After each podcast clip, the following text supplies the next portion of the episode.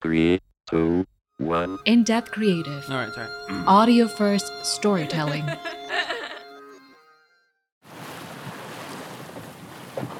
Bayangin kita lagi di Fukushima, Jepang. Maret tahun 2011. Musim dingin baru aja beres. Rasanya angin pinggir laut tuh adem gitu. Tapi langit pagi itu gelap. Lautan walaupun jauh lebih tenang dibanding hari-hari sebelumnya, masih ngasih rasa takut. Ya, pada bulan Maret itu, pesisir utara Jepang benar-benar hancur gara-gara gempa bumi dan tsunami. Ribuan orang tewas karena bencana ini. Selepas pantai, ada Pak Yamada yang berdiri di atas kapal kecil sambil pakai jaket tebel di atas baju kantornya. Pak Yamada ngeliat ke arah garis pantai yang udah hancur. Di ujung matanya yang mulai tua itu, dia ngeliat bangunan yang luluh lantah. Gedung itu pembangkit listrik tenaga nuklir Fukushima Daiichi milik Toshiba Corporation. Hancur, lebur. Begitu juga masa depan Toshiba Corporation. Raksasa teknologi Jepang yang sekarang baru aja kena batunya. Pak Yamada lagi sedih. Kesel banget. Karena buat dia dan Toshiba, tempat dia kerja selama 30 tahun itu, tsunami yang sebenarnya masih menanti.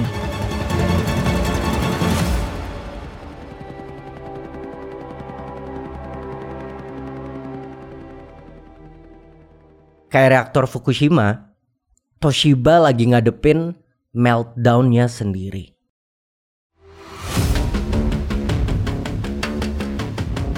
Halo, nama saya Rinaldi dan kalian lagi dengerin Nyaris Tamat. Kali ini kita akan cerita nih soal jatuh bangun raksasa teknologi asal Jepang, Toshiba. Mulai dari budaya perusahaan yang nggak sehat sampai ke keputusan bisnis yang kurang tepat. Inilah kisah gimana Toshiba nyaris tamat.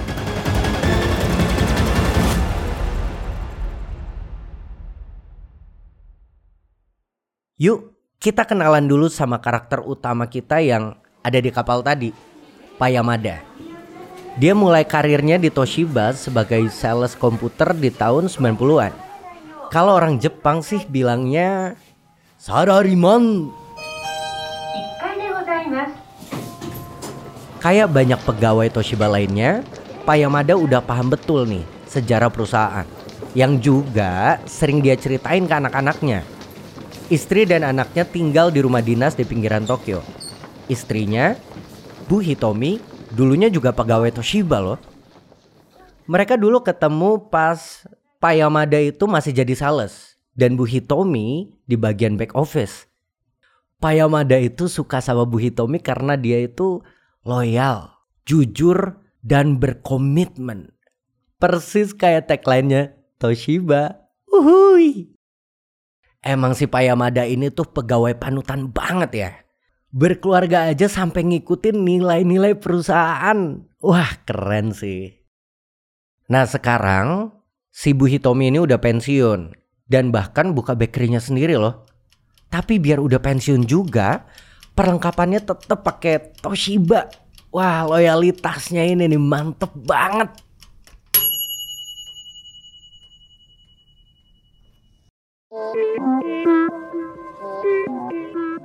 Podcast ini diproduksi oleh In-Depth Creative. Audio First Storytelling. Seru juga ya podcastnya harus tamat? By the way, kami juga kerjasama dengan brand dan creators untuk produksi podcast yang engaging buat pengikutnya. Dan tentunya, kami juga bisa bantu Anda buat bikin podcast yang seru dan menarik. Hubungi kami via Instagram at indepthcreates atau email kami info at indepthcreative.com. Sekarang, yuk kita lanjut ceritanya. Coba kita balik dulu ke tahun 1989. Zaman-zamannya Pak Yamada yang masih gagah dan muda baru jadi sales di divisi komputer Toshiba. Zaman segitu, dunia lagi maju ke arah yang baru. Bisnis komputer adalah raja. Toshiba yang udah nguasain pasar Jepang mau ikutan jadi pemain di pasar internasional. Nah, majunya teknologi transistor bisa jadiin ukuran komputer jauh lebih kecil dari sebelumnya. Sebelumnya, buat pakai komputer itu butuh ruangan segede aula. Waduh, gimana tuh ya kalau mau ngetik? Sekarang, ukuran komputer tuh udah bisa muat di satu meja. Satu orang, satu komputer. Wah, zaman segitu tuh udah hebat banget. The Commodore VIC-20, the whole family can learn computing at home. Plays great games too. Digital. We took the mystery out of computers. Get him an apple of his own. Akhirnya, semua orang jadi bisa punya yang namanya personal computer atau PC. Satu di rumah, satu di kantor, dan mereka yang belum punya komputer pasti nyari. Nggak mau kan ketinggalan? Masa zaman gini masih pakai mesin tik? Uhuy.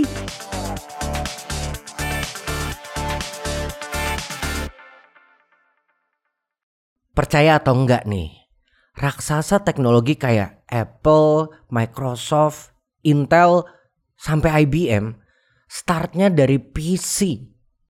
Nah, yang barusan disebutin kan nama-nama gede banget tuh. Ada yang kerasa ketinggalan gak sih? Toshiba desu. Ya, siapa lagi kalau bukan Toshiba. Di tahun 80-an, Toshiba buat inovasi yang sebelumnya nggak pernah ada. Komputer yang bentuknya kayak tas tenteng, terus bisa dibawa ke mana-mana pula. Yang awalnya di atas meja, jadi di atas paha. Laptop. Toshiba portable computers. Take it. See how far you can go. Ya, laptop ini yang jadi produk unggulan Toshiba. Walaupun benar-benar baru keluar nih, 10.000 unit seri T1100 salah satu laptop pertama berhasil dijual pada tahun pertama loh. Laris manis. Nah, si Pak Yamada ini nih yang dulu kerjanya jadi sales yang jualin produk ini. Dan seri-seri selanjutnya juga loh. Hmm, lumayan juga ya kalau dibayangin bonusnya. Nah ini nih kita lihat kerennya si Payamada. Suatu hari di tahun 90-an si Payamada lagi makan, makan siang. Terus disamperin sama saudaranya. Ah Yamada-san, komputer baru tuh. Toshiba ya? Ya, ada aja nih yang gangguin lagi makan siang. Eh, tapi siapa tahu cuan kan? Pak Yamada yang lagi makan ramen langsung berhenti buat nanggepin saudaranya.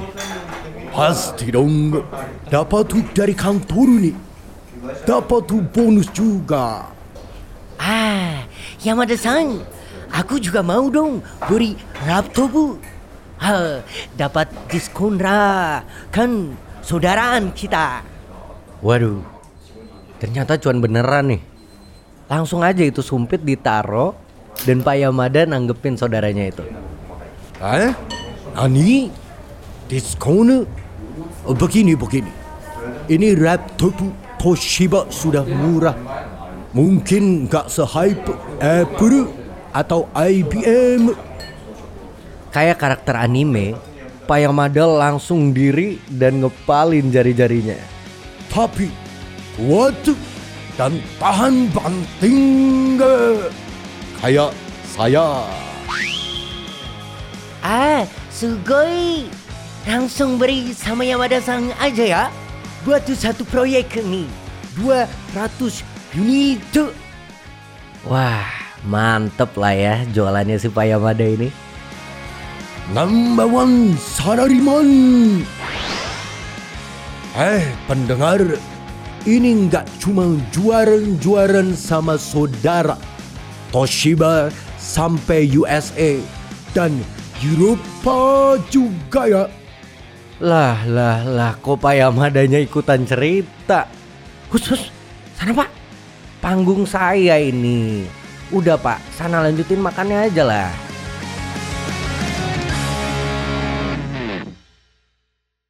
Ada. Eh, maaf maaf. Emang ada-ada aja si salaryman itu. Udah, kita lanjut ke ceritanya. Di tahun 90-an sampai 2000-an, Toshiba udah jadi perusahaan terdepan loh dalam produk elektronik rumah tangga dan PC. Tahun 2007 nih, Toshiba punya 7,3% market share di pasar laptop yang notabene-nya kompetitif banget. Bayangin, bisa saingan sama brand laptop gede kayak Dell, HP, Apple, sama Lenovo.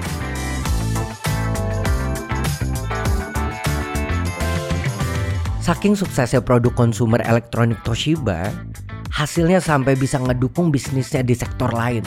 Kayak energi, infrastruktur, penyiaran, kesehatan, industrial, sampai lifestyle.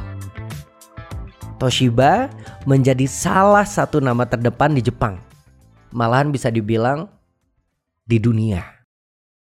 Hai, jadi selain jualan laptop, saya juga diminta bantu jual television, oven, sama komputer.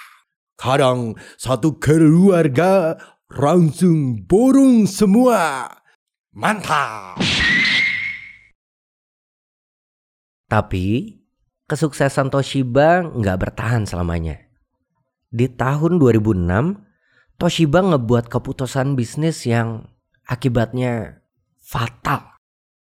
Keputusan itu juga yang jadi awal mula keruntuhan raksasa teknologi ini.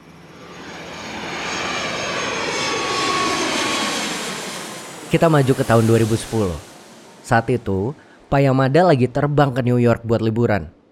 Nah, anehnya nih, ini pertama kalinya dia ke Amerika buat liburan. Sebelumnya selalu buat urusan kantor, kantor, kantor, kantor.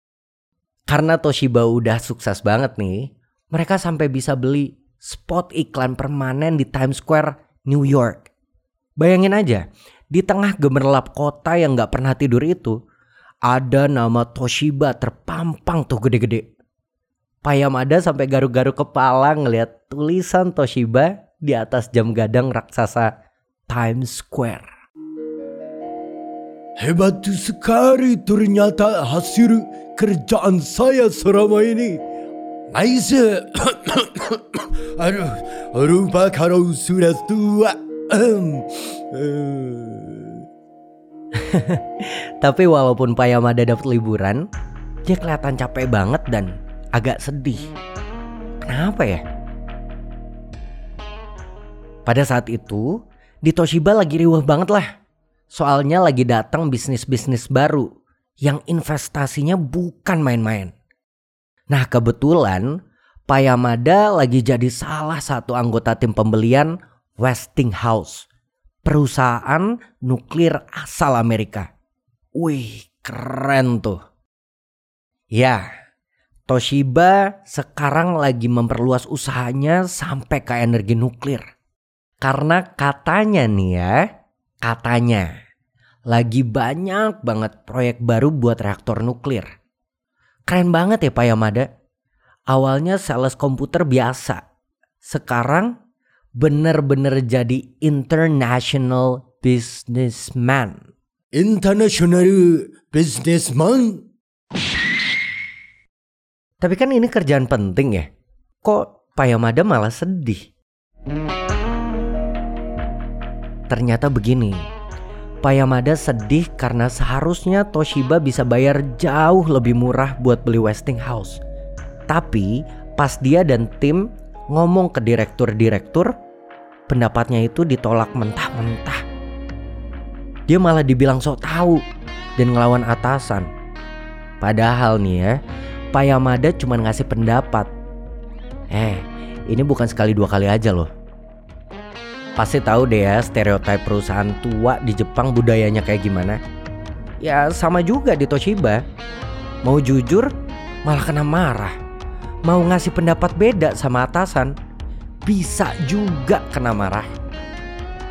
Nggak heran sih kalau banyak orang jujur dan inovatif yang masuk Toshiba akhirnya berubah jadi ABS. Asal bos senang. Masalahnya kalau nanti misalnya bos di Toshiba kerjaannya ngaco, yang kena ya anak buahnya juga. Pak Yamada mikir, kalau investasi di Westinghouse ini gagal, proyeksinya salah.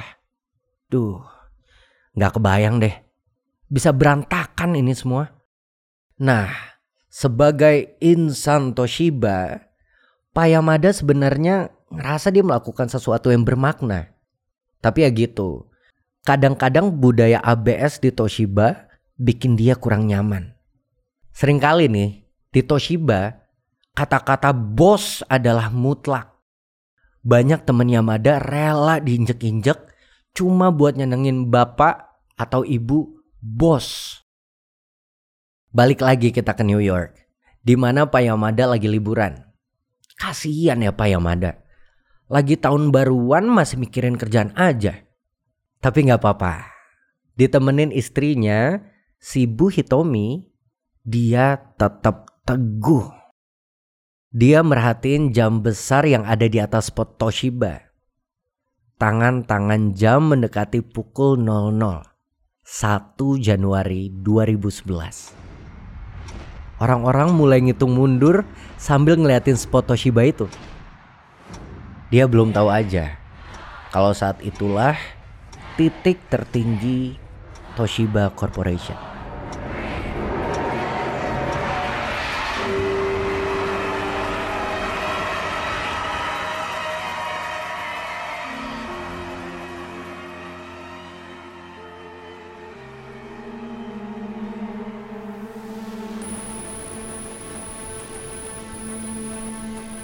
Hancurnya reaktor Fukushima Daiichi akibat gempa dan tsunami pada tahun 2011 cuma awal dari kejatuhan Toshiba ke jurang yang sangat amat dalam.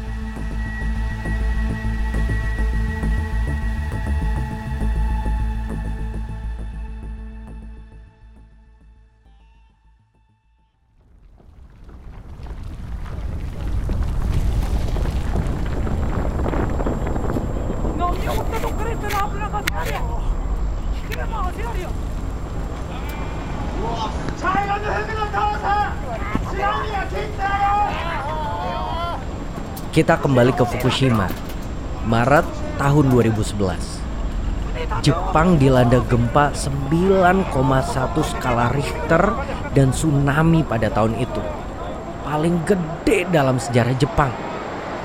Seluruh dunia khawatir. Ada tiga reaktor nuklir di Fukushima rusak berat dan meltdown. Nyebabin korban jiwa dan kerusakan lingkungan permanen di sekitarnya. Karena kejadian ini, negara-negara di seluruh dunia jadi ngejauhin diri dari yang namanya energi nuklir. Di Amerika, proyek pembangkit listrik nuklir pada diberhentiin. Bahkan negara Eropa kayak Jerman malah berhenti pakai energi nuklir sepenuhnya loh. Masyarakat yang khawatir soal lingkungan juga ngelihat kalau tenaga nuklir ini sebagai faktor kerusakan iklim. Toshiba yang udah investasi besar-besaran di bisnis nuklir lewat Westinghouse harus makan hati dengan ganjaran yang sangat mahal.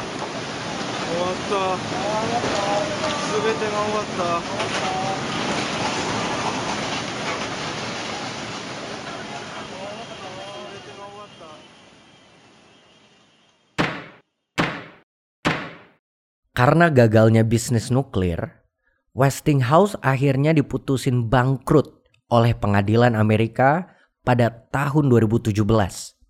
Dan akhirnya dijual dengan harga obral. Proyek nuklir Westinghouse Toshiba sekarang udah tinggal kumpulan besi tua. Dan Toshibanya rugi miliaran dolar. Udah nyaris tamat lah mereka.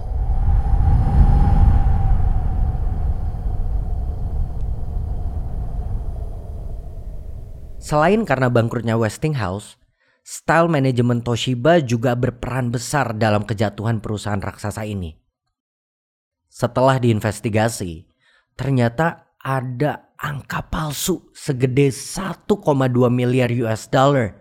Gila ya? Kok bisa sih?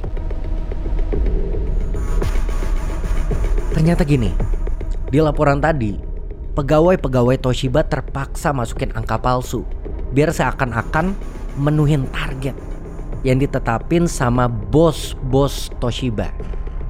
Di sisi lain nih, kultur perusahaan juga melarang komplain dan top down banget. Gara-gara budaya ABS kayak gini, Toshiba jadi susah berinovasi. Makanya, sekarang hampir nggak pernah lihat kan smart TV, HP atau video game dengan label Toshiba ketinggalan jauh lah sama saingannya.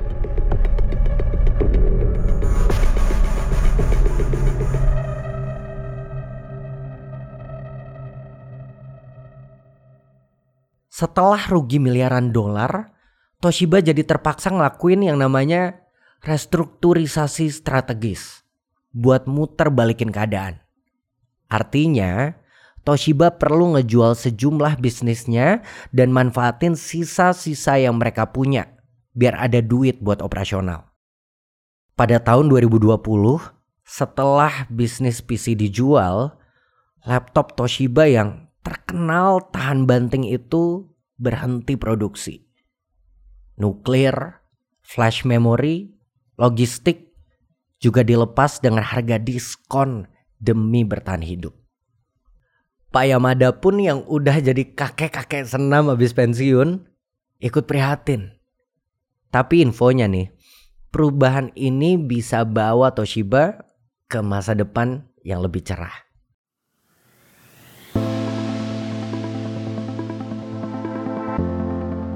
Ya dari perusahaan yang isinya skandal, rugi besar-besaran, dan budaya asal bos senang. Sekarang yang tersisa dari Toshiba itu usaha yang small but beautiful. Terfokus dengan core business elektronik industrial dan usaha baru, quantum computing dan quantum cryptography.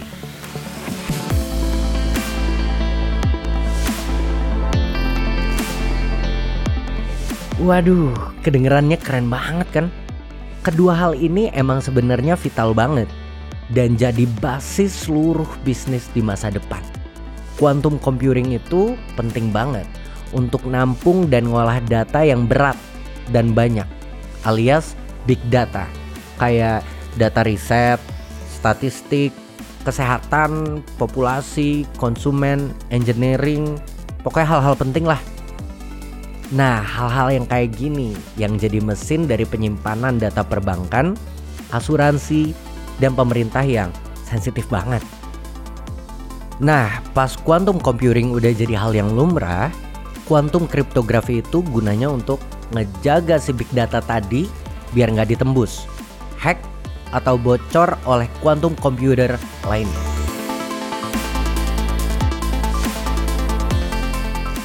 Nah, kedua hal ini bukan cuma bakal dipakai sama perusahaan atau pemerintah, tapi juga usaha yang prospeknya bagus banget. Ya mungkin si Toshiba udah nggak kelihatan di depan layar atau di atas Times Square kayak dulu. Tapi di belakang layar mereka lagi ngerencanain sesuatu. Tungguin aja tanggal mainnya. Bisa jadi ini kartu as Toshiba yang masih disimpan.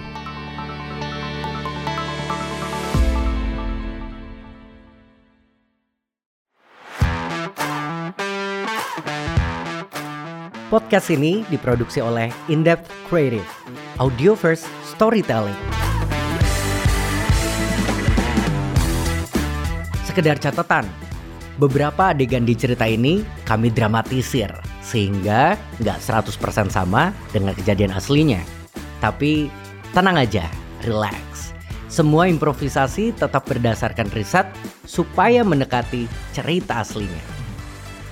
Dan kalau kalian suka dengan cerita audio seperti ini, kalian bisa dengar podcast lain dari In-Depth Creative, yaitu Panggung Pikiran, Match, dan Indonesia In-Depth di Spotify dan Noise. Ada yang menurutmu menarik atau cocok diobrolin di tongkrongan? Boleh banget follow podcast kami dan share ke teman-teman pendengar lainnya. Oh iya, kalau mau nyapa dan komentar, bisa banget lewat Instagram dan Twitter kami at indepthcreates. Jangan lupa di follow juga ya. Sekali lagi, saya Rinaldi. Terima kasih.